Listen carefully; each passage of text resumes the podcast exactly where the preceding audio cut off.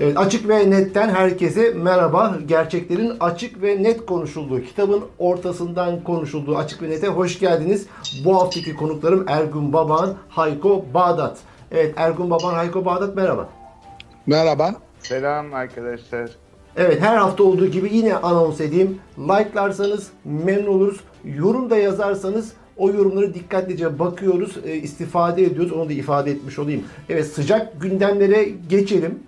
Pek çok sıcak gündem var önümüzde. Önce Suriye sınırında, Türkiye'nin Suriye sınırında tuhaf şeyler oluyor. Önce bir onu konuşalım dilerseniz. En sıcak konulardan bir tanesi IŞİD lideri.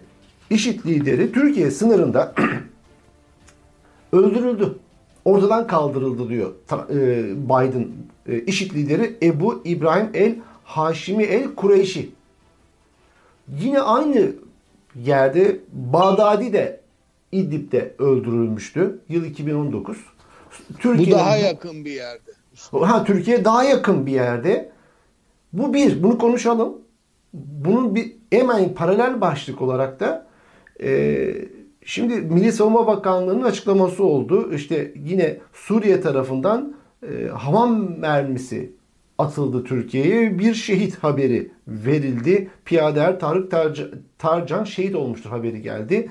Bu da Türkiye bölgesinden hakim olduğu coğrafyadan atılan bir havan mermisi olarak ifade edildi. Bunda biraz detayları konuşuruz ama şu IŞİD olayı ya nedir bu? Burnumuzun dibinde IŞİD lideri Amerika geliyor oradan operasyon yapıyor ve baban sen de dedin ki tweetinde ya bunu Rusya ile paylaşmış Amerika Türkiye ile paylaşmış mı diye tebessüm işareti koydun. Niye tebessüm işareti koydun? Ee, şimdi Haseke dahil olmak üzere e, son e, yani iş ilk doğuşundan bugüne kadar Türkiye'nin bu e, organizasyonla çok iç içe olduğu, çok yakın olduğu herkesin bildiği bir sır. Daha dün 5 e, yıl IŞİD'de çalışmış, işte üst düzey canlı bomba eğitimi almış, her türlü faaliyetine katılıp e, savaşı kaybettikten sonra Türkiye'ye dönmüş bir kadın ve onun gibi birkaç kişi daha e, hapse mahkum olmuştu. Yargıtay onların sadece sempatizan olduğu gerekçesiyle kararı bozdu ve e, yerel mahkemede Yargıtay'a uyarak bu insanları çok küçük hapis cezalarına çarptırdı ardından da serbest bıraktı. Yani Türkiye ile e, IŞİD'in karanlık, kirli, laçka bir ilişkisi var e, Haseke operasyonunu muhtemelen e, organize eden, planlayan, Türkiye'nin kontrol ettiği bölgelerden e, oraya geçmesini, lojistik desteği sağlayan da Türkiye'ydi. E, Kobane e, eylemi sırasında e, IŞİD militanlarının sınırda Türk askerlerine selam verdiği, konuştuğu, şakalaştığı, e, Toprak Mahsulleri Ofisi'nin oraya Türkiye tarafından geçtiği herkesin bildiği başka bir gerçek. Dünyanın gözü önünde gerçekleşti bunlar. Ee, o yüzden Türkiye'nin e, burada olağan şüpheli konumu var Amerika açısından. Yani Bragg McCook şimdi Amerika Birleşik Devletleri Dışişleri Bakanlığı'nın Afrika ve Orta Doğu özel sorumlusu. O zaman Stanford'da öğretim görevlisiydi Bağdadi öldürüldüğünde e, o zamanki görev başında olmadığı için e, Türkiye'yi IŞİD'le bağları, ilişkileri ve IŞİD'i Kürtlere karşı kullanma e, amacı ve planları nedeniyle ağır şekilde eleştirmişti tweetlerinde. Şimdi görevde olduğu için öyle bir şey yapmadı. Amerikan yönetimi e, böyle bir operasyonu Türkiye'ye bildirse e, MIT'in ya da istihbar, askeri istihbaratın, jandarmanın bir şekilde bu bilgiyi o e, şeyhe ileteceği ve e, hayatının kurtarılabileceği e, ve operasyonun güme gidebileceği endişesi taşıdığı çok net. E, Biden'ın böyle bir e, çok da büyük olmasa da e, önemli bir e, şeye çıkışa ihtiyacı vardı Afganistan e, fiyaskosundan sonra. E, bunu riske atmak istememiştir. E, garip bir ilişkisi var Türkiye ile Amerika'nın. İşte Suriye'de çatışıyorlar, birbirlerine güvenmiyorlar. Gerçi kimi yerlerde Kürtleri öldürmesine destek veriyor. Kimi yerlerde de Kürtlerle bir olup IŞİD'lere operasyon yapıyor. e, karmaşık, içinden çıkılması zor bir Evet. konu. Burada olan sivil halka, Kürtlere, bölge insanına oluyor. Hı hı. Fakat burada Hayko e, tuhaf bir durum var tabii. Bütün dünyanın da gözünün önünde cereyan ediyor bu biraz önce babanın da bahsettiği. Ya, ya bu Türkiye'nin burnunun dibinde lideri ikinci kez öldürülüyor. İkinci lider öldürülüyor. Burnunun Etrafı dibinde. de Türkiye askeri üsleriyle çevrili. Yani Suriye'de çok o bölgede çok üssü var Türkiye'nin. O zaman yeterince koruyamamışız bu adamı biz. Ya aslında e, şimdi delillendirmeye çalışabiliriz. Bir sürü örnek var. Ee, işte Ergun abi hatırlattı. Çok yakın zamanda IŞİD'çiler işte 5000 kişiye yakın e, Hasake'de cezaevinden kaçma operasyonu yaptıklarında Türkiye lojistik destek verdi işte. Ee, kaçacak, e, kaçabilmeyi başaranlar veya yakalananlar ifadelerinde Türkiye devletinin kontrolü altındaki bölgelere ulaşmaya çalıştıklarını söylediler. Hasake'de e, cezaevi isyanı başladığında Türkiye başka yerlerde e, bombalamaya başladı. Es zamanlı olarak Rojava'yı. Şimdi e, Erkam yani çok lafı evirip gevirmeye çevirmeye gerek yok. Türkiye'nin IŞİD'le çok uzun süredir çok yönlü bir ilişkisi var. Yani IŞİD'i e, arkasındaki devletler kimler? Amerika mı kurdu? Suudi Arabistan mı destekliyor gibi hep böyle şeyler söylenir ya. Türkiye'yi listenin tepelerine yazmamız lazım. Yıllarca sınır ticareti yaptılar zaten. Ve e, ideolojik olarak da ilişkisi var. Yani bugün e, AKP tabanında IŞİD'e terörist diye e, bağır çağır bir kongrede başına sıkıntı alırsın. E, aynı zamanda bak e, IŞİD AKP'ye Erdoğan'a seçim kazandırdı yahu. Hatırlayın Açar mısın? işte e, Haziran 7 Haziran Kasım arasında IŞİD'in Türkiye'de yaptığı eylemleri hatırlayın.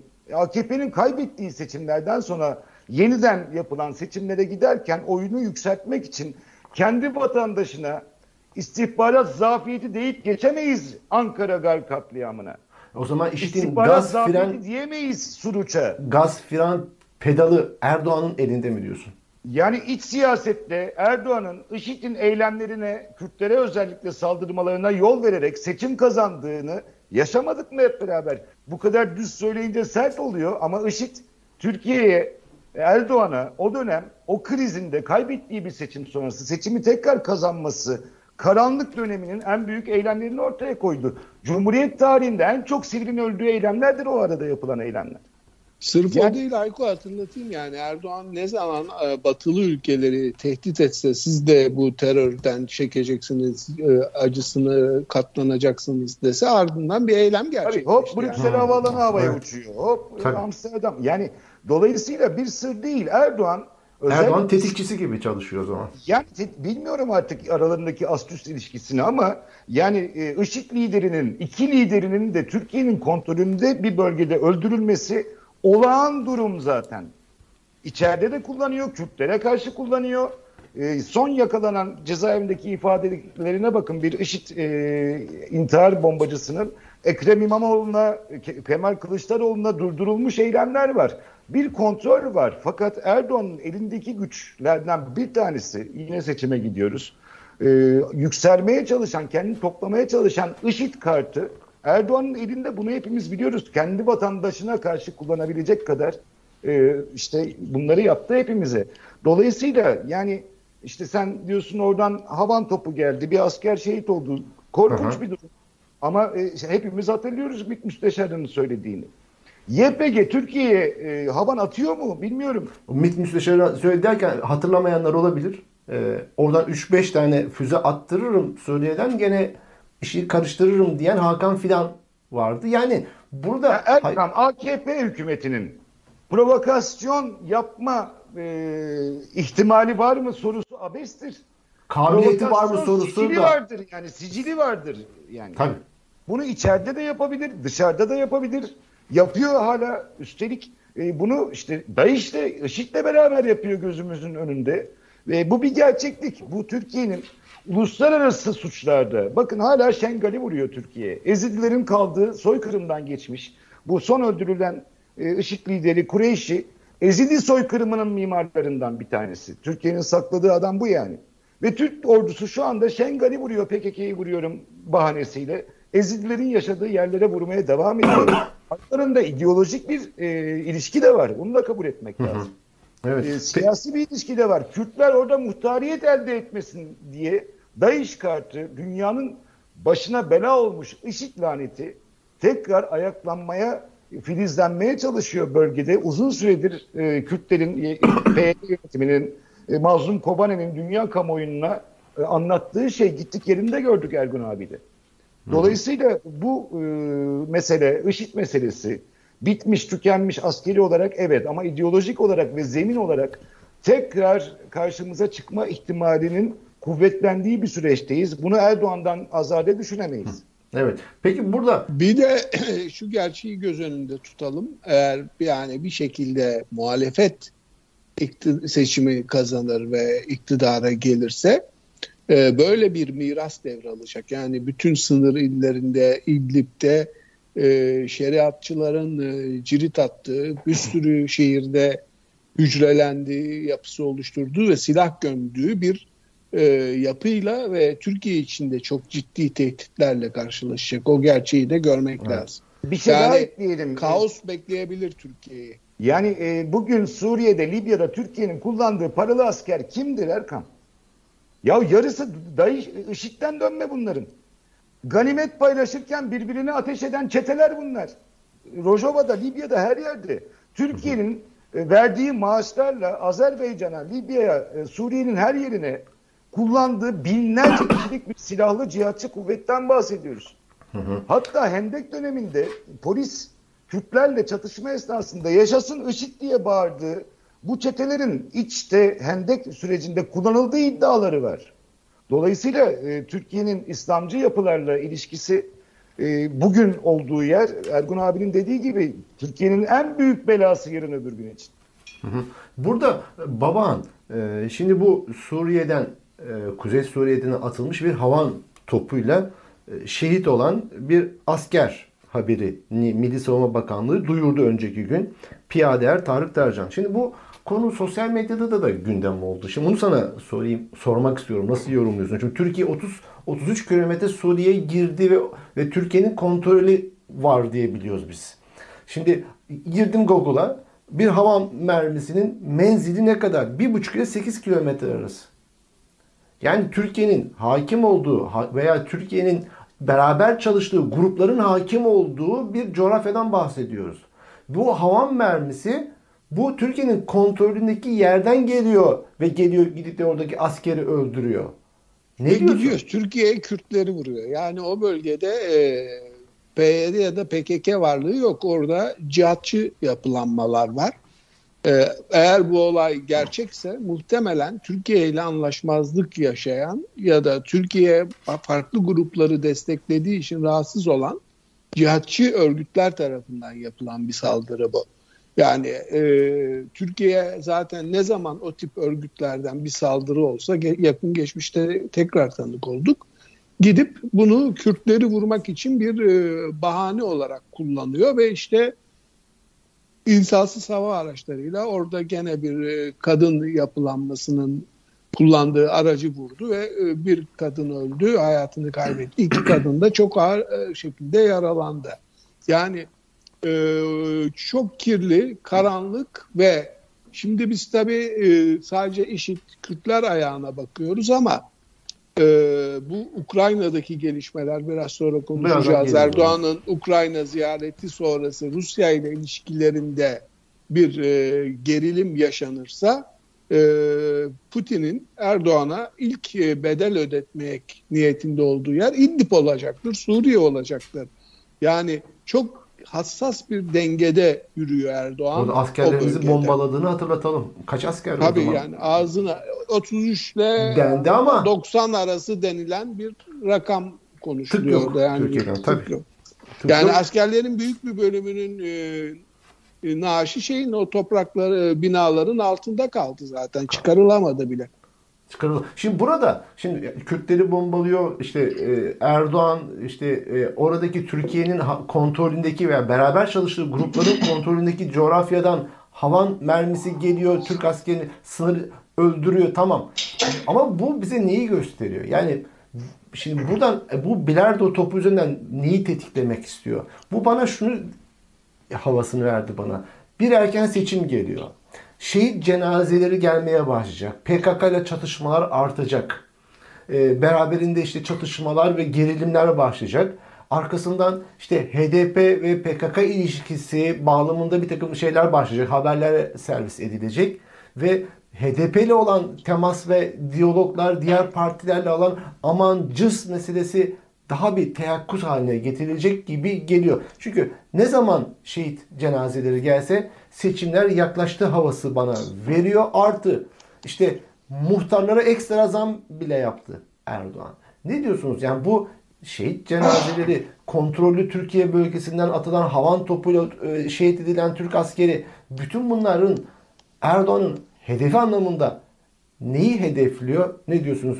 Hayko sen istersen. Erkam e, yani bu anlattığın olası korkutucu gelişmelerin e, hepimiz korkusunu yaşıyoruz. E, bunlar olabilir. Hatırla az önce bahsettiğimiz Ankara Gar katliamı sonrası dönemin başbakanı Davutoğlu IŞİD, PKK, DHKPC kokteyl bir örgüt olarak yaptı bunu demişti. Yani Türkiye'de e, bu rejimin e, şimdi de böyle Davutoğlu temiz insan gibi geziyor ortalıkta. O dönemden beri onun başbakanlığı sürecinde üstelik zirve yapmış şekilde bu gibi çatışmalardan, bu gibi kaoslardan e, vampir gibi kan emerek beslendiğini biliyoruz. Ama şunu bir e, düzeltelim. Yani o Türkiye'nin kontrolündeki bir bölgeden e, YPG Türkiye'ye füze atamaz. Yok atabilir. Orası düşündüğün kadar her şey kontrol altında. İdlib'den ama İdlib'den mümkün değil. E, şimdi İdlib'den mi atılmış? Evet. E o zaman orada hangi YPG varlığı var İdlib'de? Yani YPG'nin genel olarak Türkiye ile sınır bölgesi veya Türkiye'nin kilometrelerce içeride olduğu bölgesine durduğu yerde Türkiye'yi vuran bir şeyi yok. Yani o e, ilk çatışmalardan sonra sınırlar belli olduktan sonra Türkiye tarafına YPG bildiğim kadarıyla özellikle de e, bir eylemde bulunmuyor. Türkiye'nin saldırganlığını meşrulaştırmamak için. Söyleminde zaten biz Türkiye'ye bir, bir mermi atmamışız e, söylemi var. E, dolayısıyla senin anlattığın bu e, kaos planına gidişin bir halkası olabilir mi? Bu çok emin değilim. Yani daha büyük ve daha korkutucu e, kaygılarım var benim. Ama son toplamda orası artık bir kaos. E, orada her dakika insan ölebilir, ölüyor, sivil ölebilir, asker ölebilir, her şey olabilir. Unutmayalım ki Türkiye Suriye topraklarını güvenlik bahanesiyle işgal etmiştir. E, biraz önce anlattınız Rusya Suriye de vurabilir. Yani orada e, kaynayan bir kazan ve Suriye konusu henüz çözülmedi. Yeni katliamlara, yeni büyük sıkıntılara gebe e, olma ihtimalini gittikçe de yükseltiyor. Ama ben bu havan meselesini e, senin dediğin gibi bir şeyin startı olarak görmedim. Biraz daha Ergun abinin dediği gibi e, kendi iç mesajlaşmaları olabilir. Yani Kürtlerin çünkü böyle bir eylemliliği yok. Bir de şeyi unutmamak lazım. Yani Türkiye'den gelen biz de hepimiz artık uzaktan izleyebiliyoruz Türkiye'yi ama Türkiye'deki ekonomik e, kıskaç o kadar e, zirve yapmış durumda ki insanlar açlıktan bu tip meseleleri görecek durumda değil. Yani açlık, yokluk, sefalet birinci gündemi. Yani orta sınıf dediğimiz kesim eriyor Türkiye'de. Ee, yani bu tip oyunların yakın geçmişte verdiği sonuçları vermesi mümkün müdür? Bir soru işareti. Elbette denenmeyecektir bu tip yöntemler e, huzur içinde bir seçime gidilecektir demiyorum ama e, bunlar bir işe yarar mı? Ondan kuşkum var. Çünkü rakamlar korkunç. Mesela TÜİK Ocak ayında %11,10 arttı diyor enflasyon. TÜİK diyor bunu. Müsaade edilen rakam. Yıllık yani enflasyon... insanlara 1000 lira, 1500 lira elektrik faturası geldiği evet. dönemde elektrik faturasının payını düşürüyorlar bir evet. de o enflasyon hesabı. Yıllık enflasyon %48,69. Bu Erdoğan'ın müsaade ettiği rakam. Peki Hı. gerçek rakamla en yakın işte enflasyon araştırma grubunun bağımsız e, isimlerin hazırladığı rakama göre yıllık %114,87 enflasyon. İstanbul Sanayi Odası'nınki de daha yüksek e, şeyden, e, TÜİK'ten. Hı hı. İşte tabii bu şartlarda yine millet yer mi yemez mi meselesi e, de bir soru işareti. e, bütün o şehit cenazelerin gelmesiyle tekrar AKP oylarının artması ve seçime girilir mi konusu. Bugün farklı bir denklem var. E, hayat pahalılığı var ama bakalım ne olacak. Peki Her yerde direniş var, eylem var. Yani Ha, e, toplumun içi kaynıyor. Yani şey e, yüzde 50 hatta yüzde 100 olmuş bir enflasyona karşı işçilere yüzde 17, 15 zam yapma cüreti gösteren çünkü iktidarın gücünü arkasına almış bir e, işveren zihniyeti var. E, bu yani bu tabloyu e, normal seçime dayalı, sandığa dayalı bir sistemle götüremez Erdoğan. peki Yani siyasi siyasi hayatın en zor dönemindedir Erkam. Yani Çok bu kadar zor, evet. Ne yapsa- bu kadar evet. büyük bir kriz bırak onu yakın tarihin en büyük e, fakirleşmesini yaşadı Türkiye. Yani 70'lerden beri görülmeyen sokak eylemlilikleri e, başladı. Gerçekten e, siyasi hayatın en zor döneminde en büyük e, siyasi e, kriz açlıktır. Yani artık nasıl geri dönecek? %30'lara düştü. Nasıl yükselecek? E, hangi kötülükleri düşünecek bilmiyorum ama bir öncekinden daha zor durumda. Yani en zor seçimine gidiyor e, Erdoğan. Hı hı. Peki bir başlığa, başlığa geçelim mi? Ee, Profesör Doktor İzzet Özgenç, ceza hukukçusu ve Erdoğan'ın yakın isimlerinden biri. Ee, İzzet Özgenç çok ilginç bir şey söyledi. Bir açıklama yaptı televizyonda. Ee, devlet bizim bilmediğimiz kişi ve kişilerin elinde dedi. Kontrol şu anda açık söyleyeyim bizim bilmediğimiz bir kişinin kişilerin elinde. Ben bunları açık açık ulaştırmam gereken insanlara iletiyorum, konuşuyorum. Kimse benim bu söylediklerime itiraz etmiyor dedi. Erdoğan'a da bu konuyu arz ettim dedi. Ve bugün tekrar bir tweet atmış. Diyor ki yönetim erkeğinin kullanılmasında görünmeyen kişilerin etkili olması yapılan hukuksuzluklardan dolayı makamları işgal eden vitrinde görünen kişilerin sorumluluğunu ortadan kaldırmaz diye de bir ek mütemmim tweet'i attı. Evet kimden devam edelim? Siz bunu nasıl yorumluyorsunuz? Profesör Ö- İzzet Özgenç herhangi biri değil Erdoğan'a da yakın bir isim. Bir Ko- kom- tespiti var. komplo teorilerinde Ergun abi daha iyidir. O, onunla başlayalım. Ben merak ediyorum ne diyecek. Hadi bakalım. Yani bu e, çetelerin susurluktan beri gördüğümüz e, işte MHP ile bağlantılı bir takım kliklerin devlet e, yargı ve emniyette özellikle dümeni ele geçirdiği anlamına geliyor. Eski döneme döndük. E, Çiller yıllarında tam zirve yapmıştı. E, sen ihalelere bak, akçeli işlere bak, e, yargıyı, polisi bize bırak e, anlayışı sürüyor. E, sadece e, oralarda değil ama tüm bakanlıklarda e, bakanların birer e, göstermelik figür olduğu e, yani orada başka bir çete ya da işte devleti ele geçirmiş MHP bağlantılı e, temsilcilerin dışında Erdoğan'ın kendi akçeli işler için atadığı insanlar da var. Yani bakan yardımcısı şeyi altında ya da danışman adı altında e, bakanlar figür. Yani şu anda baktığımızda karşımızda bir e, legal devlet yapılanması kisvesi altında illegal bir faaliyet gerçekleştiğine tanıklık ediyoruz. Hı hı.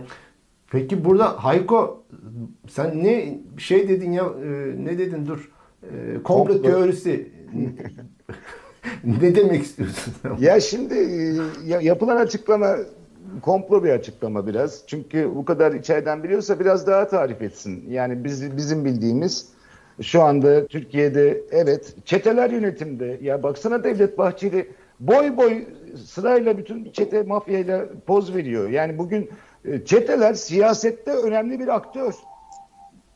Yani e, işte e, muhalefet liderlerini tehdit edip terbiye etmeye çalışıyorlar. Dolayısıyla bugün herhangi bir atamada da çeteler önemli. Yani çeteli reisleri bugün e, mecliste CHP, HDP milletvekilleri el kaldırıyor. Hiçbir yasa tasarısını geçiremiyorlar. Ama herhangi bir çete lideri bunu yapabilir. Çeteler bugün yönetimde, atamalarda, ihalelerde, devlet yönetiminde her yerde varlar. Ya nesi komplo teorisi o zaman Hayko bu ya? Yok işte Süleyman Soylu'ya kadar dayanan bir kanal bu işte. Hı hı. Yani bugün çetelerin yeni yüzü siyasetteki yeni yüzü çete reisi Süleyman Soylu.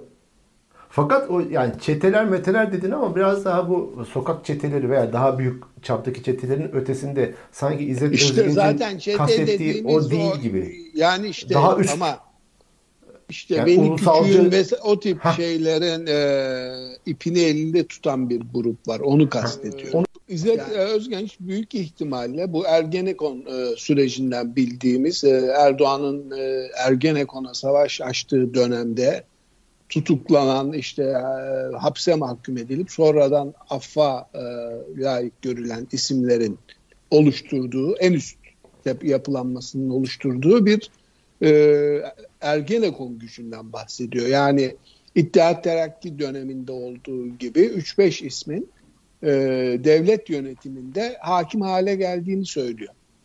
Yani Türkiye Cumhuriyeti Devleti'nin e, alışık olmadığı, tarihten tarih itibariyle e, yabancı olmadığı bir durum. Bu şeyi de biliyoruz. Yani Türkiye en demokratik e, şeyindeyken bile e, göründüğü dönemde bile bu Milli Güvenlik Kurulu üzerinden etkin olan özel harp dairesi Cumhurbaşkanlarını kontrol altına alarak Türkiye siyasetinde suikastlerle e, işte zorlamalarla e, asıl gerçek siyaseti e, yönlendiriyorlardı.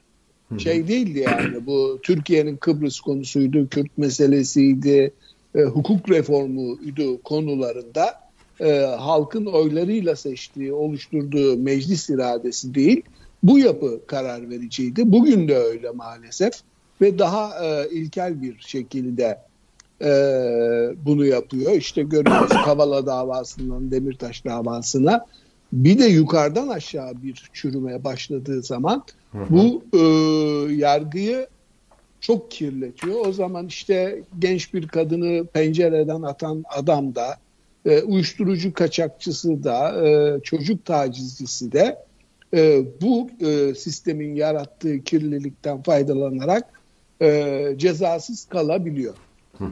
Peki e, ve İzzet Özgenç diyor ki ben bunu AKP'lilere iktidardaki zevata iletiyorum bu konu. Hiç kimse itiraz edemiyor diyor bu konuda. Yani e, davul AKP'de tokmak başkasında şekli ve O bürokrasiyle biraz konuştu. şeyi de korumaya çalışıyor sanki.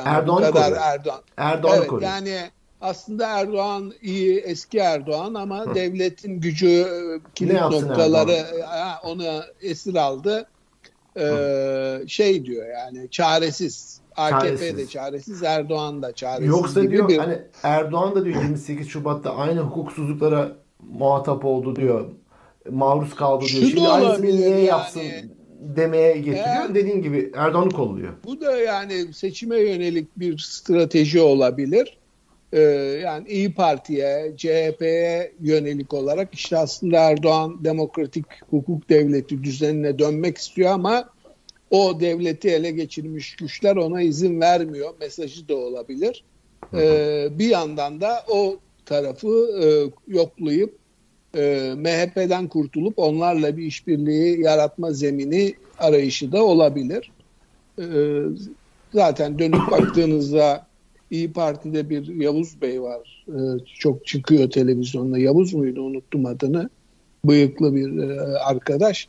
Yani e, Kürt meselesinde, demokrasi meselesinde, hukuk meselesinde MHP'den farklı bir söylemi yok. Tek farkı İyi Parti'de olması. O yüzden e, İyi Parti'nin yükselişini görüp belki onlarla yeni bir atılım yapmak niyetinde olabilir Erdoğan. Bu da onun zemin yoklaması gibi bir çalışma mıdır? Her şey Evet. mümkün Türkiye'de. Ama Mümkünsüz bir şey yok. Göre bürokraside e, yürekler güm güm atıyormuş. E, korku has safhadaymış yine Özgenç'in ifadesiyle. Şimdi şimdi Ukrayna meselesini konuşacağız da hani Ukrayna'ya gitti geldi ama dönüşte uçakta Hayko Erdoğan ilginç açıklamalar yaptı. Bir tanesi de o çocuk var ya e, Trabzon'a gittiğinde bir çocuğun el- eline mikrofonu verdiler. E, o Kılıçdaroğlu hain dedirttiler. O çocukla alakalı ilk defa bir açıklama yaptı. Ee, dedi ki mikrofonu kapıp bir şeyler söyledi. Esasında çocuk ne demiş önemli değil. Çocuk mikrofonu kaptı dedi. Şimdi bu Sezen Aksu olayından sonra yeni bir tornistan. Nasıl yorumluyorsun bunu? E, alenen yalan söylüyor yani. Görüntü var. Eliyle mikrofon işte. Veriyor film. çocuğa? O da zavallı babasını kurtarsın diye. E, Ha. hain dedi- dedesi yaşında adama. Yani nereden baksan utanç verici. Bir de şimdi az önce söylediğiniz konuyla da bağlantılı. Ben böyle hani komplo dememin sebebi dünyayı yedi aile yönetiyor. Üç Yahudi aile işte ya da Türkiye'yi öyle değil biraz devlet ve Erdoğan tarihçesine baktığında devlet yönetiminde Erdoğan sık sık işbirliği yapıyor. Ee, o işbirliği yaptığı kadrolar gerçekten palazlandığı zaman Erdoğan'ı terbiye etmeye çalışıyor. O da onların ipini çekiyor. Deminden beri bahsettiğiniz bütün o isimler, Veli Küçükler şunlar bunlar. O şaşalı vaat ed- onlara vaat edilen ya da kendilerinin tuttuğu alanlardan düştü kalktı. Erdoğan'ın ortaklık yaptığı, devleti yönetirken işbirliği yaptığı pek çok alanda büyük çatışmalar var. Devlet böyle bir mekanizma. Yani devleti ele geçirmek e, ama her ele geçirene rağmen orada üç tane sabit adam var gibi yürümüyor işler biraz. Bugün de Erdoğan kimlerle işbirliği yaptığı ortada ve işbirliği yaptığı yerle ilgili e, biraz teslim olduğu durumu hepimize aşikar. Dolayısıyla ben bu profesörün yeni bir şey söylediğini düşünmüyorum. Böyle çok gizemli bir şey değil. Ama Yeni bir şey söylemiyor ama Erdoğan'a yakın bir ismin bunu söylemesi olayı önemli kılıyor. Yani muhalefete mesaj veriyor olabilir. Bence Erdoğan rehin izlenimi yaratıyor. Kurtarın Erdoğan'ı. Ha kurtarın Erdoğan'ı. Erdoğan rehin. Ya bırak onu. Şimdi çocuğu kurtarın. Yani e, Erdoğan'ın bir şekilde insanları kendi günahlarından kurtulmak için günah keçisi gösterme serüvenine bu kadar somut bir örnek, bu kadar hızlı ve bu kadar artık belden aşağı bir durum olamaz. Zaman Ama yani hem yani- çocuğu. iki dakika Görünen o ki kendi partisinde bile büyük rahatsızlık yaratmış ki e, geri adım attı yani çok hızlı geri adım attı. Sezen o uçakta Aksu hangi aynı. gazeteciye Erdoğan'ın mikrofonunu eline verip Kılıçdaroğlu hain diye bağırttırdığı çocuk hakkında soru sorabilir. Ya Yani iletişim net başkanlığı ya- ortada. Ha, yani biri hayır o gazeteci kimse ona sen bu soruyu sor görevi verilmiş.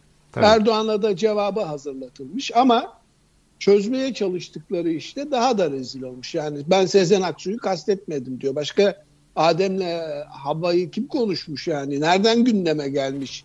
Ee, ben atmıştım. Elton John mu söyledi bu lafı yani? Ee, ki ben de kimi kal çocuğu çocuk elimden kaptı diyor. Yani böyle yani çıkıp eğer çocuk elinden kaptıysa bu böyle şeyler söyleme- söylenmez. Burada bir kakır kakır gülmezsin falan. arkadan o zaman. Sen de kakır kakır. Bakanlarınla, Ha. Süleyman Soylu'yla vesaireyle.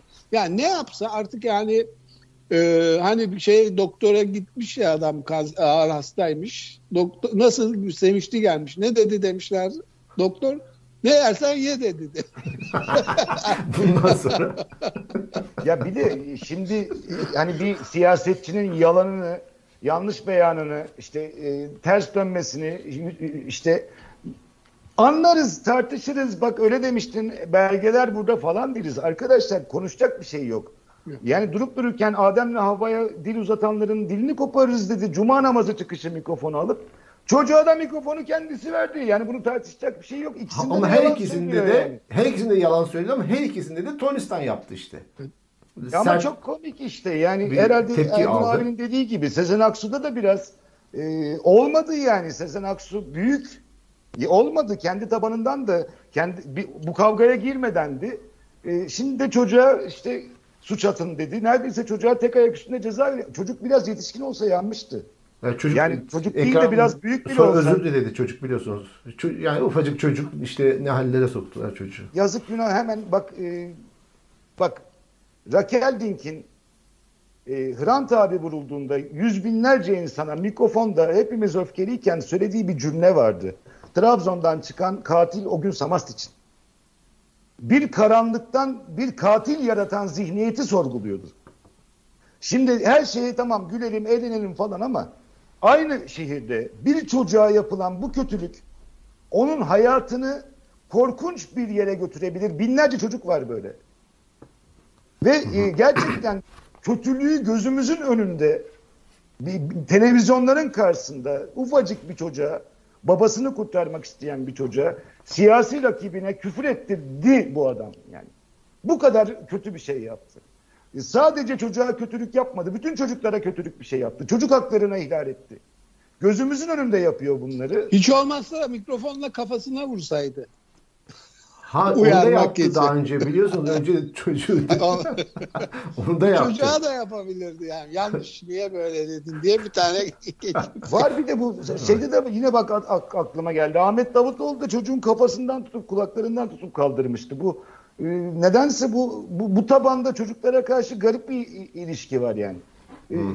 Yarı şiddet şiddeti onda ayna yansıtmasını görmek hani vardır ya vur bir tane amcaya karnına bak ne kadar güçlü kötülük var ya içlerinde. Gerçekten kötülük var. Evet. Bunun daha açıklayıcı bir şey olamaz yani. Bu çok ciddi bir kötülük. Babasını kurtarmak isteyen çocuğa mikrofon verip yani. Kemal Bey'e hain dedirtti. Arkasından da kah kah kah kah dedi. arkada güldür. Arkada kah kah gül. Şimdi bak ben size bir başka kötülük söyleyeyim. Ee, Gergerlioğlu açıkladı. Çok ilginç, çok önemli bir bilgi. Diyor ki Türkiye Büyük Millet Meclisi İnsan Hakları İnceleme Komisyonu'na bu dönemde 10 bin 403 başvuru yapıldı. Ancak tek bir başvuru için suç duyurusunda bulunulmadı. Nasıl? Sıfır suç duyurusu. E, Türkiye bir işkence devletidir çünkü. Şu anda meclisi de şey ele geçirmiş o zaman belli güçler. Belli güçler. Bugün Türkiye hepimiz biliyoruz ki işkencenin tavan yaptığı, yöntem olarak kullanıldığı, her mecrada kullanıldığı, en ağır işkencelerin yapıldığı bir dönem. Dolayısıyla e, mafya gibi yönetiyorlar yani. Hı hı. Ne hakim var ne savcı var. Kafan başın belaya girdiğinde gidip bir yerden yardım isteyebileceğin bir tane devlet kurumu kalmamış kardeşim yani. Ne, ne, ne diyelim ki? Çete, evet. çete bunlar yani. Çete, çete yöntemleri yönetiyorlar. Sadece çeteleri yanlarında tutmuyorlar.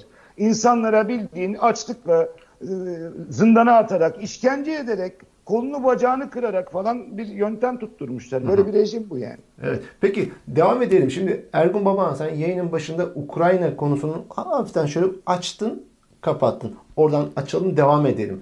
Erdoğan Ukrayna'ya gitti. Hatta o çocuk meselesini o çocuk mikrofonu atladı falan muhabbeti Ukrayna dönüşü işte yapmıştı.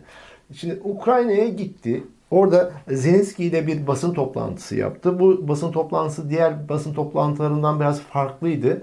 Daha önce çok uzun sürer ve Erdoğan uyuklardı e, Ukrayna e, basın toplantılarında. Bu sefer 13 dakika sürdü. Şifai bir konuşma yapılmadı ve soru alınmadı ve arkasından da işte açıklamalar beraberinde daha sonradan geldi. İşte e, İHA, SİHA anlaşması ve fabrikanın Ukrayna'ya da kurulması meselesi konuşuldu. Ki kaldı ki bu modellerin bir kısmını Ukrayna üretiyor o SİHA'ların, İHA'ların motorunu.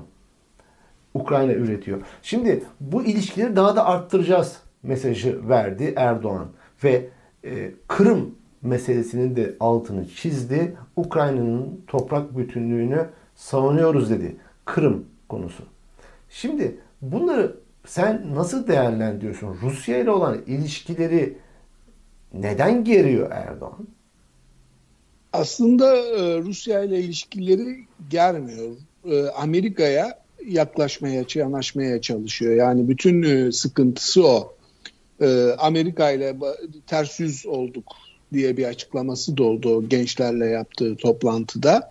Yani Amerika ile ilişkilerin eski seviyeye gelmesine çalışıyor ama bunun mümkün olamayacağını göremiyor. Yani Biden istese Trump yeniden 2024'te iş başına gelse bile Türkiye-Amerika ilişkileri eski kıvamına, eski e, ilişki biçimine dönemeyecek. S-400'lerin yarattığı harabiyetin farkında değil. Bir de işte bu ben yaparım olur yaklaşımının kongreyi, medyayı, e, kamuoyunu tamamen kaybetmiş durumda Erdoğan. E, ki şu anda Amerikan medyası Türkiye'yi koruyan, kollayan bir e, tavır içinde genel olarak çok fazla gündeme getirmiyor. Daha çok enflasyon, IŞİD saldırısında bilhassekedeki e, Türkiye'yi fazla e, anmadılar. E, sadece uzmanların yorumları oldu kendi sosyal medyalarında vesaire. Ee, Ukrayna'nın e, Amerika ve Biden için öneminin farkında, Amerika'nın orayı birer, biraz bilerek de kaşıdığının farkında ve sana en faydalı olacak benim diye öne atıyor kendisini. Almanya, Fransa gibi ülkeler e, daha e, diplomatik bir çözüm yolunda ilerlerken Türkiye fazla ateşli gidiyordu. Sonra baktık ki çok öne çıkıyor. O da bir geri gitti. Ee, Putin'den işte şeyle görüştükten sonra Ukrayna Cum- e, Cumhurbaşkanı'yla bir Türkiye ziyareti sözü aldı ama Putin e, Çin'e gidiyor olimpiyatlara dönecek. Ondan sonra Covid e, gelişmelerine bakacak falan. Zaten Putin Türkiye'ye gelene kadar Ukrayna me- meselesi ya diplomatik yolla ya savaş Putin'in e, illa Türkiye gelişiyle alakalı bir yalanlama geldi. Şimdi Erdoğan dedi ki e, olimpiyat son Pekin olimpiyatlarından sonra bu Covid komplikasyonları bittikten sonra. ha, şey e, Türkiye'de buluşacağız dedi Rusya ve Ukrayna Bakarız liderleri. demiş. Evet. Ha, Hayır, ama Ukrayna ile değil Putin tek gelecek. Kremlin açıklama yaptı. Teyit edilmiş böyle bir şey yok dedi. Yok yok şeyle bir araya gelmek e, yok. Zelenski ile Putin'in Türkiye'de bir Çünkü araya Erdoğan'ın dediği oydu. Zelenski Putin'i Türkiye'de ağırlayacağız, biz zirve yapacağız dedi. Hemen Yok, Kremlin onu- bir açıklama yaptı. Onu Yok bir yapmaz. şey yani şimdi e, Erdoğan'ı niye konuşturmadılar? Çünkü Erdoğan konuştukça pot kırıyor. Yani kendisi e, 15 tane, 1000 tane Türkmen için Suriye'nin çok önemli bölgelerini o bahaneyle işgal etti. Kıbrıs'ın e, önemli bölümü Türkiye'nin işgali altında uluslararası hukuk açısından. E, Rusların e, çoğunlukta olduğu Kırım'a Rusya'nın ilhak etmesine çöktü olarak yorumladı. Şimdi orada basın toplantısında gene bir benzer bir tanım kullansa Putin'le yeni bir gerilim çıkacak. Yani devlet aklı e, İzzet Özgenç'in aksine e, Türkiye'nin özellikle İdlib'de Putin'e ne kadar muhtaç olduğunu sadece İdlib'de değil tüm Suriye'de görüyor. Yani Kremlin de bunu yalanlamadı. Ne zaman e, Ukrayna'yı çok gündeme getirse Kırım'ı e, Türkiye'nin de kendi etnik sorunları var. Biz de bunları gündeme getirip üstüne gidebiliriz dedi. E, ya da işte Çin'de bir kere e, Çavuşoğlu Uygur meselesini Çin'le ilgili gündeme getirdiğinde bir kez Çin'in Birleşmiş Milletler e, temsilcisi ya da onun yardımcısı e, Birleşmiş Milletler'de bir konuşma yaparak Türkiye'nin Suriye'de Kürt ama Türkiye'de işte belki bir nükleer enerji santrali daha yapacak e, doğal gazı istediği fiyattan satıyor. E, Suriye'de S-400 e, daha toka edecek. S-400 alma bir tane daha ihtimali olacağını şu ortamda sanmıyorum hele seçime giderken. Onu hep bir e, dedi yem olarak onu Amerika'ya karşı dedi ama alabileceğini sanmıyorum. Hı hı. Yani şu Avrupa Konseyi'nden e, ilişkileri pa- pamuk ipliğinde e, NATO'dan tamamen dışlanması ve e, o bölgede serseri bir dev uçak gemisi olarak oraya buraya savrulması anlamına gelir Türkiye'nin. E, gerek Milli Savunma Bakanı'nın açıklamaları gerekse e, diğer e, gelişmeler Türkiye'nin şu anda rotayı e, NATO'dan tarafa kırdığını gösteriyor. Yani Ve e, Putin daha da itmek istemiyor. E, NATO'ya doğru. E, Evet yani Erdoğan Türkiye'nin orada sorun istemiyor. yaratıcı bir e, ortak olarak yani bir çıvan başı olarak NATO'daki varlığını sürdürmesini istiyor. Yani e, tamamen ipleri koparmış NATO ile bir Türkiye Putin'in gene işine gelebilir ama şu andaki faydası daha fazla Putin için. Evet. Şimdi Hayko sana da döneyim. Buna ilaven var mı diye soracağım. Şöyle bir durum da var. Mesela ben hani bu e, Ukrayna meselesi e, olunca hemen Moskova ve Kiev'deki gazeteci dostlarımı aradım. Ya dedik ya bu Erdoğan bu Kırım meselesini gündeme getiriyor. E, işte Rusya ilhak etti. En çok en rahatsız olduğu konu Putin'in en o. yani. hassas, en hassas oldukları konu ki Kıbrıs şu an hani e, bizim kuzeydeki Kıbrıs'ımız olarak nitelenir Kırım. Kuzeydeki Kıbrıs'ımız anlamında kullanırlar. Şimdi önce önemlidir denir. Ama adam Ruslar geldi şey, Kırım'ı ilhak etti. Şimdi şunu dedim ben Moskova'daki gazeteci arkadaşlarıma. Ya bundan Rusya rahatsız olmuyor mu? Cevap şu. Erdoğan Kırım'a sahip çıkıyor da ne oluyor? Rusya bunu çok iyi biliyor. Boş küme. E, Ukrayna'nın gazını alıyor. Erdoğan sahip çıksa ne olacak? Rusya'nın umurunda değil. bir cevap aldım. Evet ne diyorsun? Senin ilaven var mı Hayko? Ergun abi çok detaylı ve güzel anlattı. Ben birkaç şey ekleyeyim hem de vakitten tasarruf ederiz. Bir kere bu işte bu Ukrayna meselesi dünyanın çok ciddi bir meselesi. Savaş savaş telaffuz ediliyor ve e, işte yanı başımızda olan kötülüklere bir tek Türkiye'ye laf etmeyelim. Bütün dünyanın bu paylaşım savaşlarında her türlü çirkinliği yapıp milyonlarca insanın ölümüne yol açtığı bir dönemdeyiz ve e, Ukrayna'da oldukça büyük bir dünya krizi. Şimdi Türkiye burada Türkiye NATO üyesi işte. Yani NATO ile Rusya arasında bir gerilim var uluslararası anlamda. E, Türkiye NATO adına mı orada? Yani Türkiye NATO'nun güvendiği bir ülke mi? NATO e, Türkiye ile ilişkisi ne durumda? E, tam bilmiyorum ama e, umarım bu kriz sonuçlanmaya doğru giderken çok tehlikeli buluyorum. Erdoğan rejimi Türkiye'yi yönetiyor olmaz. Yani çünkü Erdoğan rejimi bu agresif dış politikayla e, işte paralı asker ticareti yaparak, silah ticareti yaparak, buralardan inşaat yaparak e, kar, kar etmekten başka bir motivasyonu olmayan bir ülke ve çevrede de böyle bir uzlaştırıcı kimliği falan yok. Erdoğan en son Esad'la Batı'yı e, arasında köprüydü işte. Onların e, ara buluculuğunu yapacaktı. Yani Erdoğan'dan barış ara, ara bulucusu olur mu? Şu anda Rusya, Amerika e, Erdoğan oraya gitti bir ara buluculuk yapacak diye bakıyor olabilir mi? E, böyle bir şey yok. Çok ciddi bir riske Erdoğan'ın agresif politikalarıyla beraber yakalanmayız. Umarım aklı başında dış, dış e, ilişkilerde, diplomaside daha yetkin kadrolar e, bir an önce yönetime gelir. Bu, bu bunun kötüye gidişatı e, ülkenin de tepesinde yani, Erdoğan varken çok fena hepimiz için dönüp bakıyoruz işte Birleşik Arap Emirlikleri güya 15 milyar dolarlık yatırım yapacaktı, swap yapacaktı. 1 lira vermedi hala. Daha güven eksikliği var. İsrail Cumhurbaşkanı gelecek Mart'ta deniyor Türkiye'ye.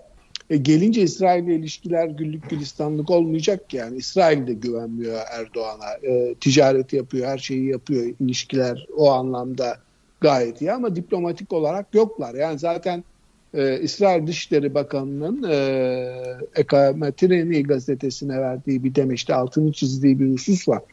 Türkiye ya da başka bir ülkeyle ilişkilerimizin düzeliyor olması, böyle bir ihtimal olması ve düzelmesi Yunanistan'la ilişkilerimize rağmen olmayacaktır. Artık Yunanistan'la stratejik derin değerler üzerine dayalı bir ortaklığımız var.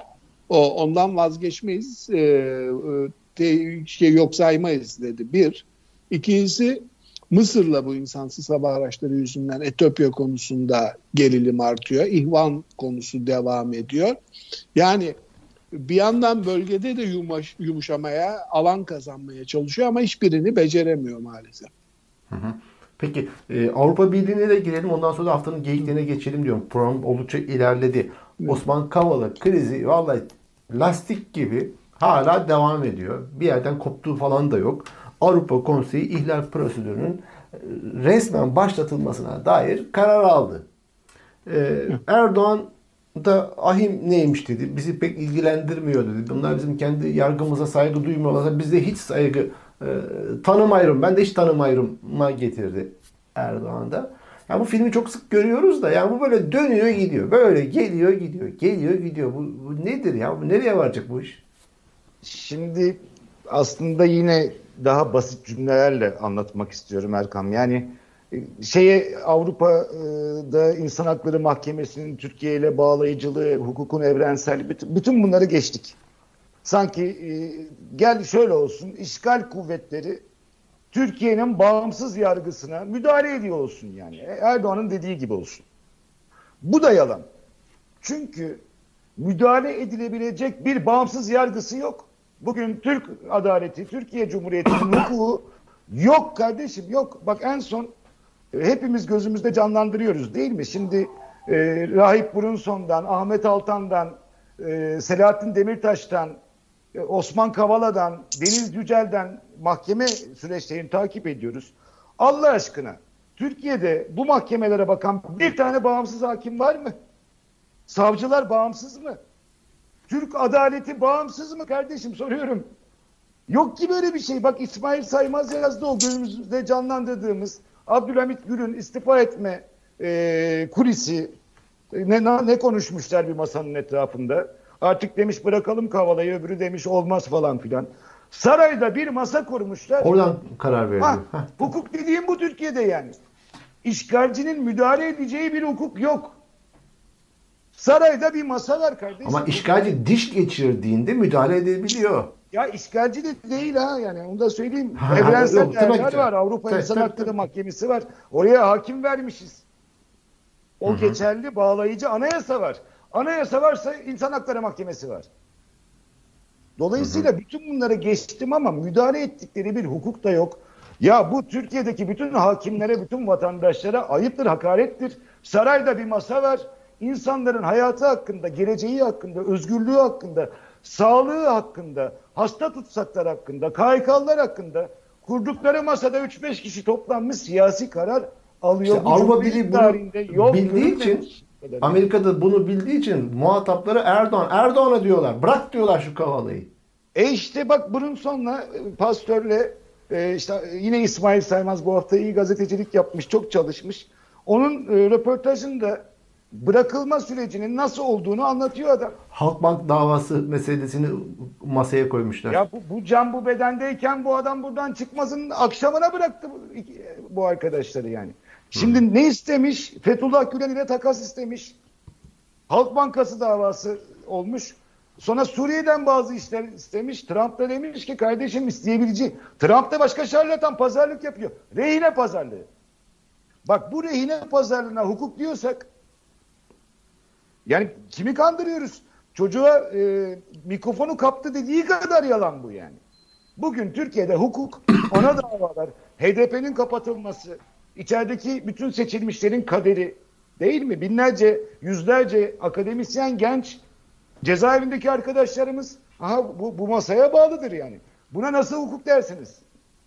Müdahale edilebilecek hukuk bu mu yani? Dolayısıyla e, ayıp denen bir şey var. Dünyada bizi tekrar medeni bir e, seviyeye nasıl getireceğiz onu düşünmemiz lazım.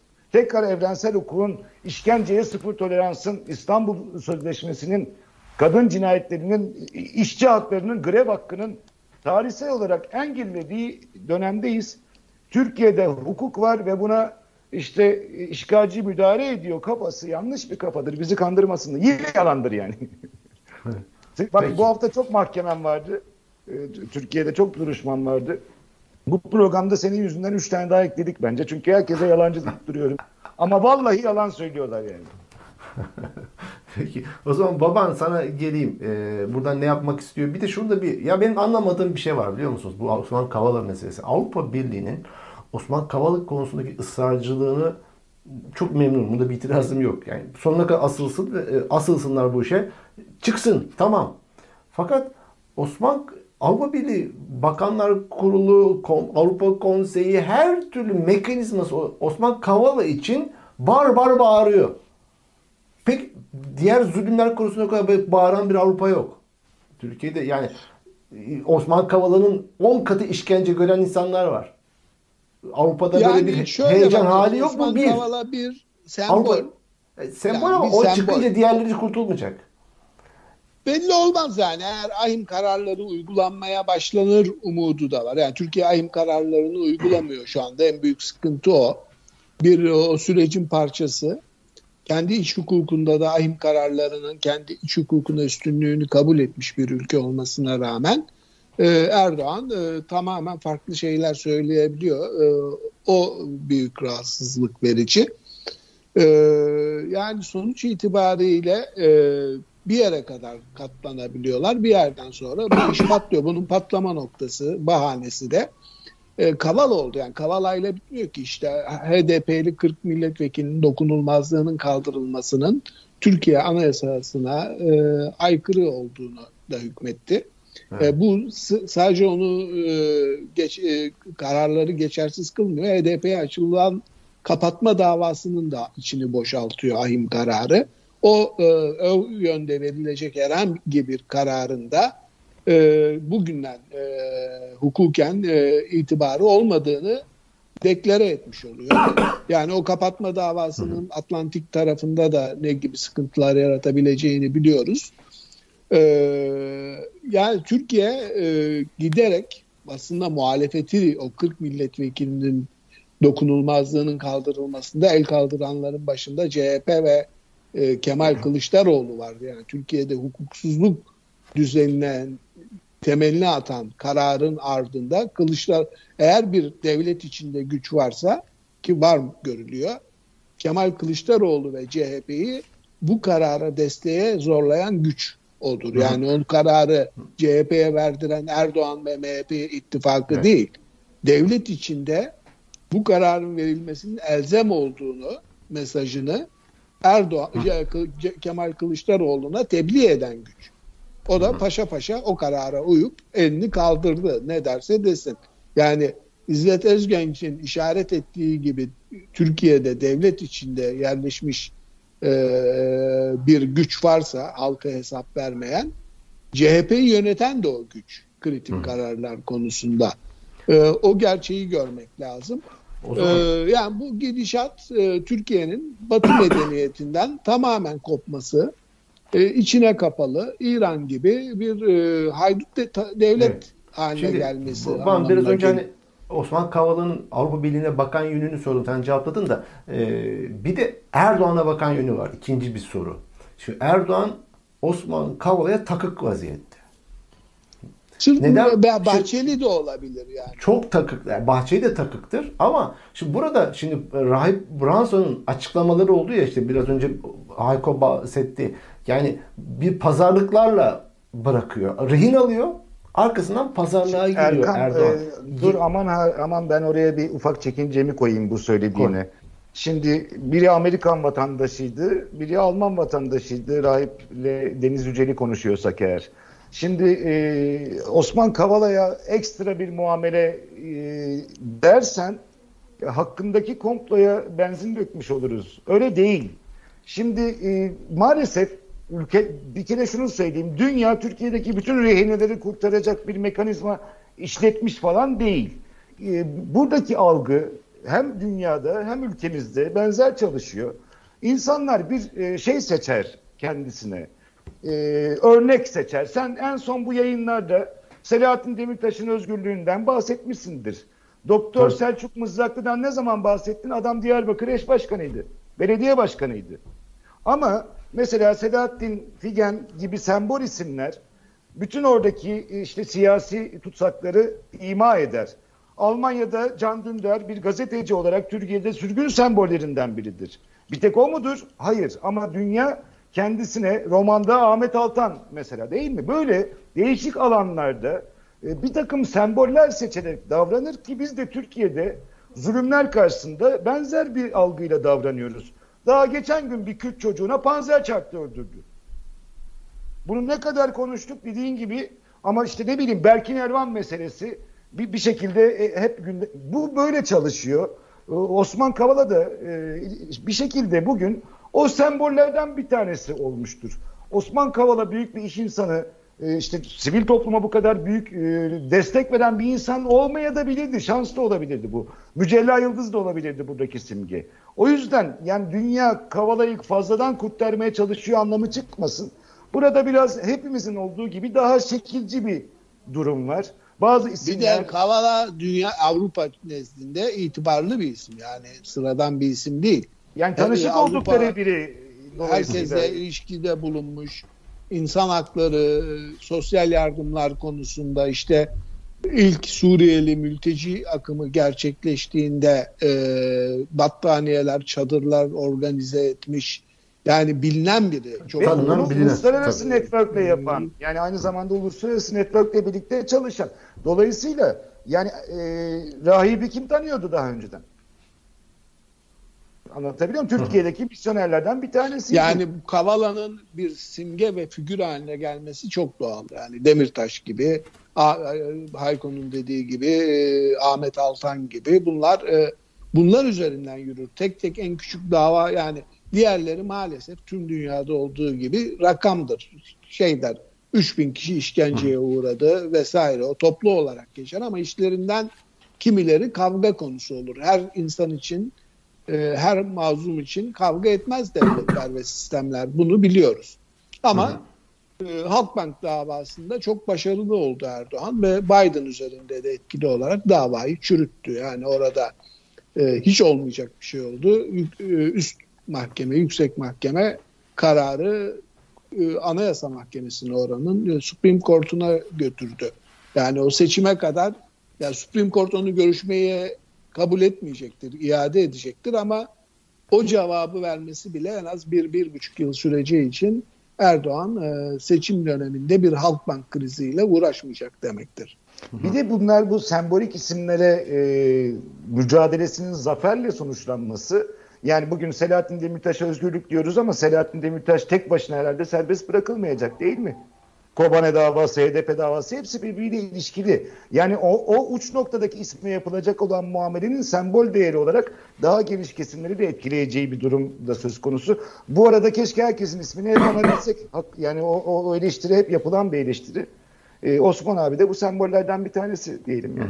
Ben Peki. Osman e, Kavala'nın fotoğrafını sosyal medyada paylaştığım için hakkında soruşturma var.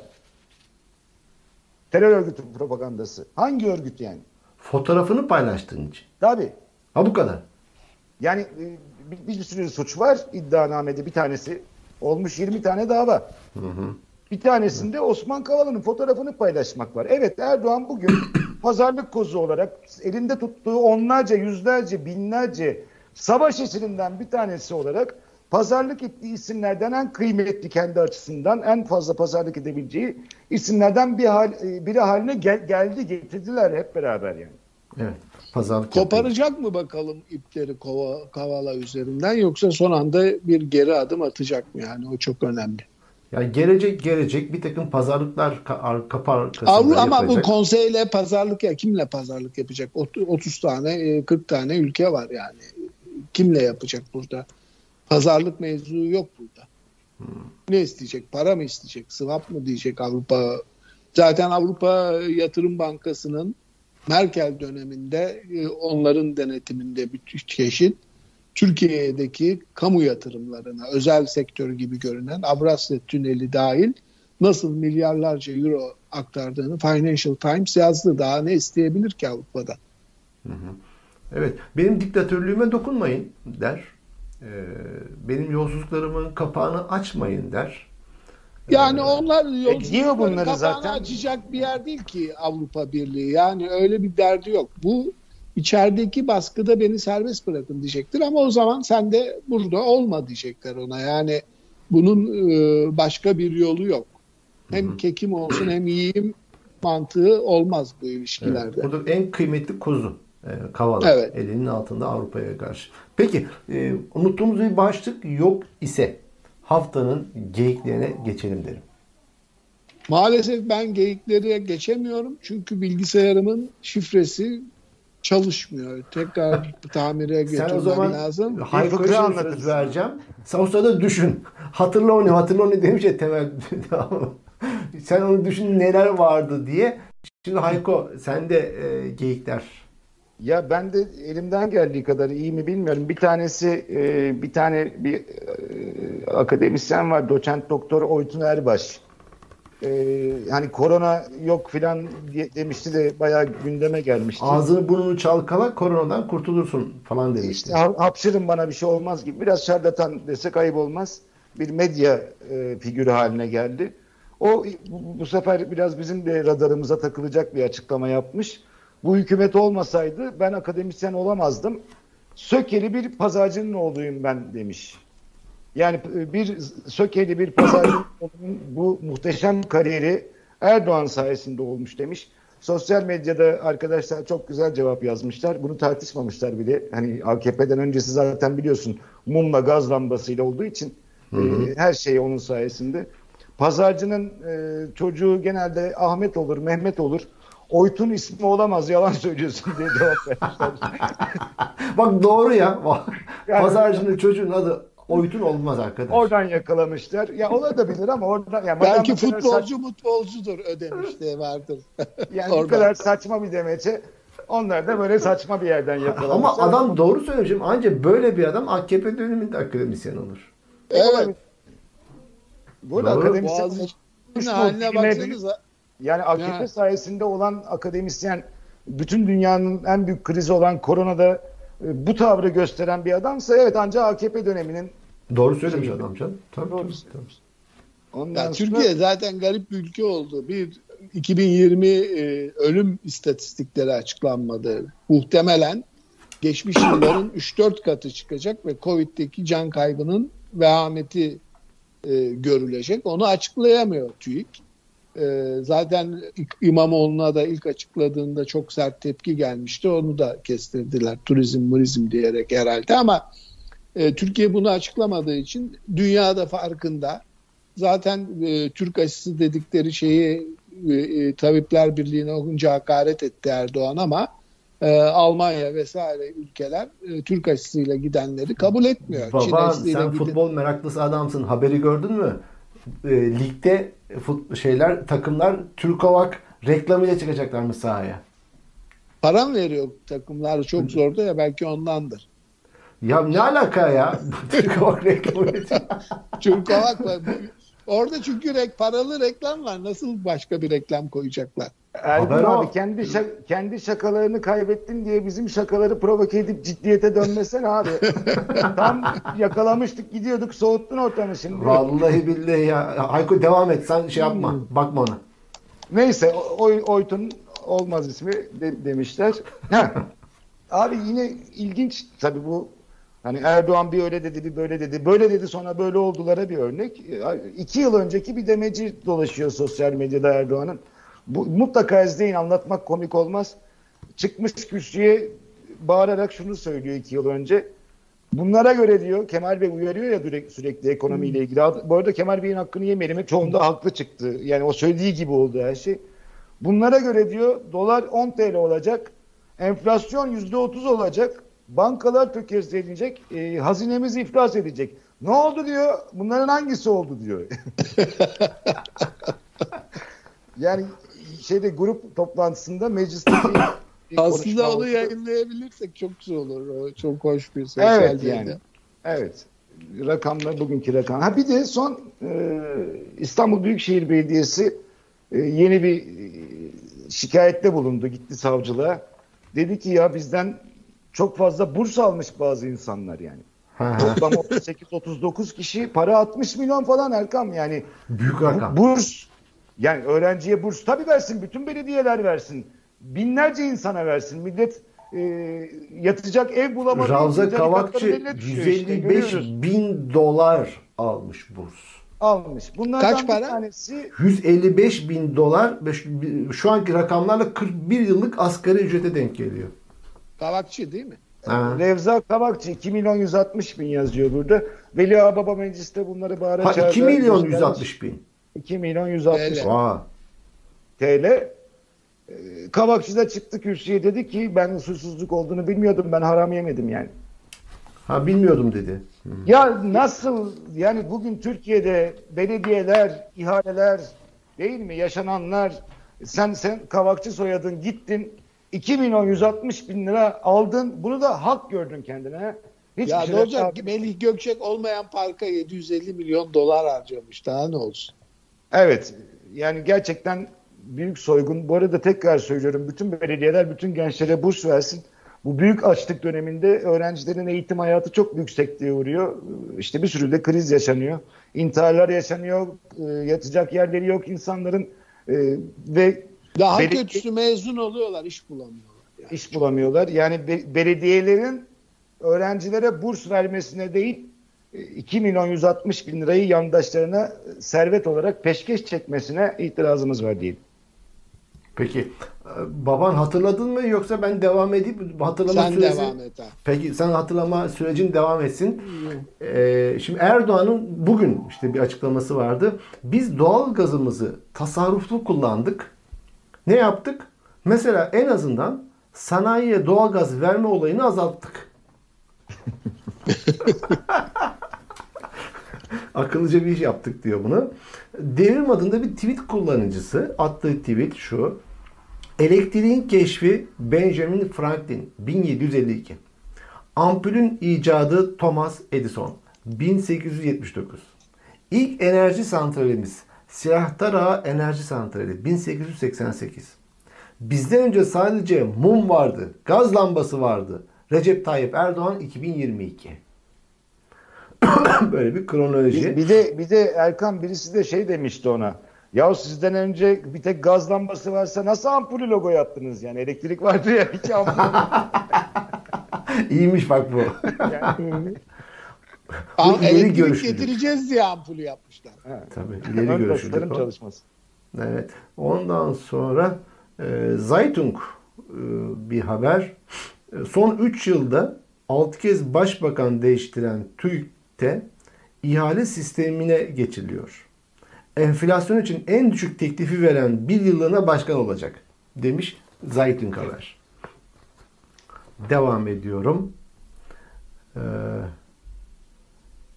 Ha bu mum meselesi işte biz getirdik hayata sadece diyor mum olayı. Ondan sonra bir günün e, gazetesinin bir tweet'i Erdoğan Kılıçdaroğlu'nu hedef aldı. Böyle bir tane lüks otelden geceliği 100 bin lira olmak suretiyle yapacağınız yayınlarla bu millet e, aldanmaz demiş ve Erdoğan'ın da o varaklı altın varaklı koltuğu üzerindeki fotoğrafı kullanmış bir gün gazetesi. Ondan sonra güvenç Erkan bir şey de söyleyeyim mi? Yani Söyle. tam Erdoğan'a yani Erdoğan'ın uçağı 500 milyon dolar içinde saray var yani. Tasarruf değil ama gerçekten de CHP'de yani 100 bin liralık otelde Olacak iş gerek değil. yok. Onu da söyleyeyim. canım Yani olacak iş mi ya? Cem Özdemir Almanya'nın Tarım Bakanı oldu. Vallahi bisikletle gidiyor parlamentoya. Ben, arkadaşım şahidim yani. Tak- yani 100 tak- bin liralıkta bu- bu kadar sıkıntı varken Kemal Bey'in o kadar parası yok. Tamam genel başkanına Cumhuriyet Halk Partisi bu servisi verebilir. Bunda büyük bir sıkıntı yok ama siyaseten etik olarak da gerek yok be kardeşim. Ya kaldı yani. ki sen evinden, mutfağından bu tür yayınları yapıyordun. Değil mi? Ya Böyle- kendi gerçekliği o Kemal Bey'in bu arada. Yani o mutfak o o yani şey değil burada bir yalan yok. Burada bir riya yok yani. Ama hani burada bence şey biraz partisine, çevresine, stratejisine bir daha bakması lazım. Gerek yok o kadar 100 bin liralık otellere falan. Yani Tabii. dünyada Aynen. medeni ülkelerde siyasetçiler böyle yapamıyor yani ve iyi bir şey bu. Hı hı. Peki ben devam ediyorum. Muhtemelen çok yoksul görünüyor. Devlet, halk, devlet gücü göremiyor diye bir eleştiri gitmiş olabilir araştırma şirketinden. Daha e, mutfak yani şey geliyor olabilir. Millette öyle bir beklenti de ona karşılık yapmış olabilirler belki. Peki ben devam edeyim.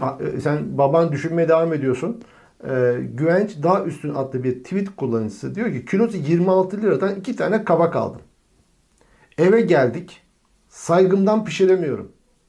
İkisini de ikisine de kaş göz çizdim. Oturduk sohbet ediyoruz. Üç tane alsam okey oynardık. Aklıma gelmedi. Tanıştırayım dış mihraklar. Soldan sağa Edward ve Francis. İki tane kabağı karşılıklı konuşuyor. 26 liradan alınca şeyi. Ve CHP Grup Başkan Vekili Engin Altay. Habere bakın şimdi. Engin Altay AKP'li milletvekilleri Vahit Kiler ve Ekrem Çelebi'nin Van müftülüğüne mülakata girecek yakınları için gönderdikleri torpil mektuplarını meclise taşıdı. Şimdi bak din görevlisi alımında torpil yapılmasına tepki gösteren Altay'a ve- cevap veren AKP Grup Başkan Vekili Mustafa Elitaş söz konusu mektuplardaki ifadelerin bir talimat olarak değil, uygunsa, mümkünse şeklinde olduğunu savundu. Bu öyle torpil olmuyormuş. Bu da e, müftülükle alakalı bir konu. İşin orada ayrı bir boyutu. Evet, baban nasıl gidiyor hatırlama çabaların? Çalışmıyor abi şey. Ya Çalışmıyor. zorla espri yaptırılır mı bir insan? Ya olmazsa tabii tabii. O zaman peki ben de o zaman sonuncu şeyime geleyim.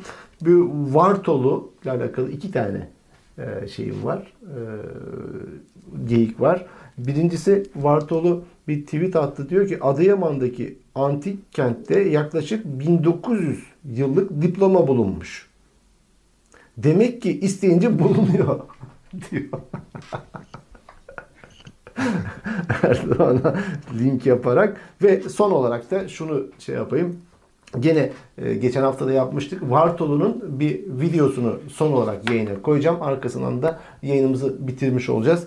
E, Vartolu'nun e, geçen yayınladığımız e, Trakya'da e, bilmem kaç milyon ton ayçiçek rezervleri bulundu ironisini e, Ayşenur Aslan yedi bunu. Tufa'ya geldi.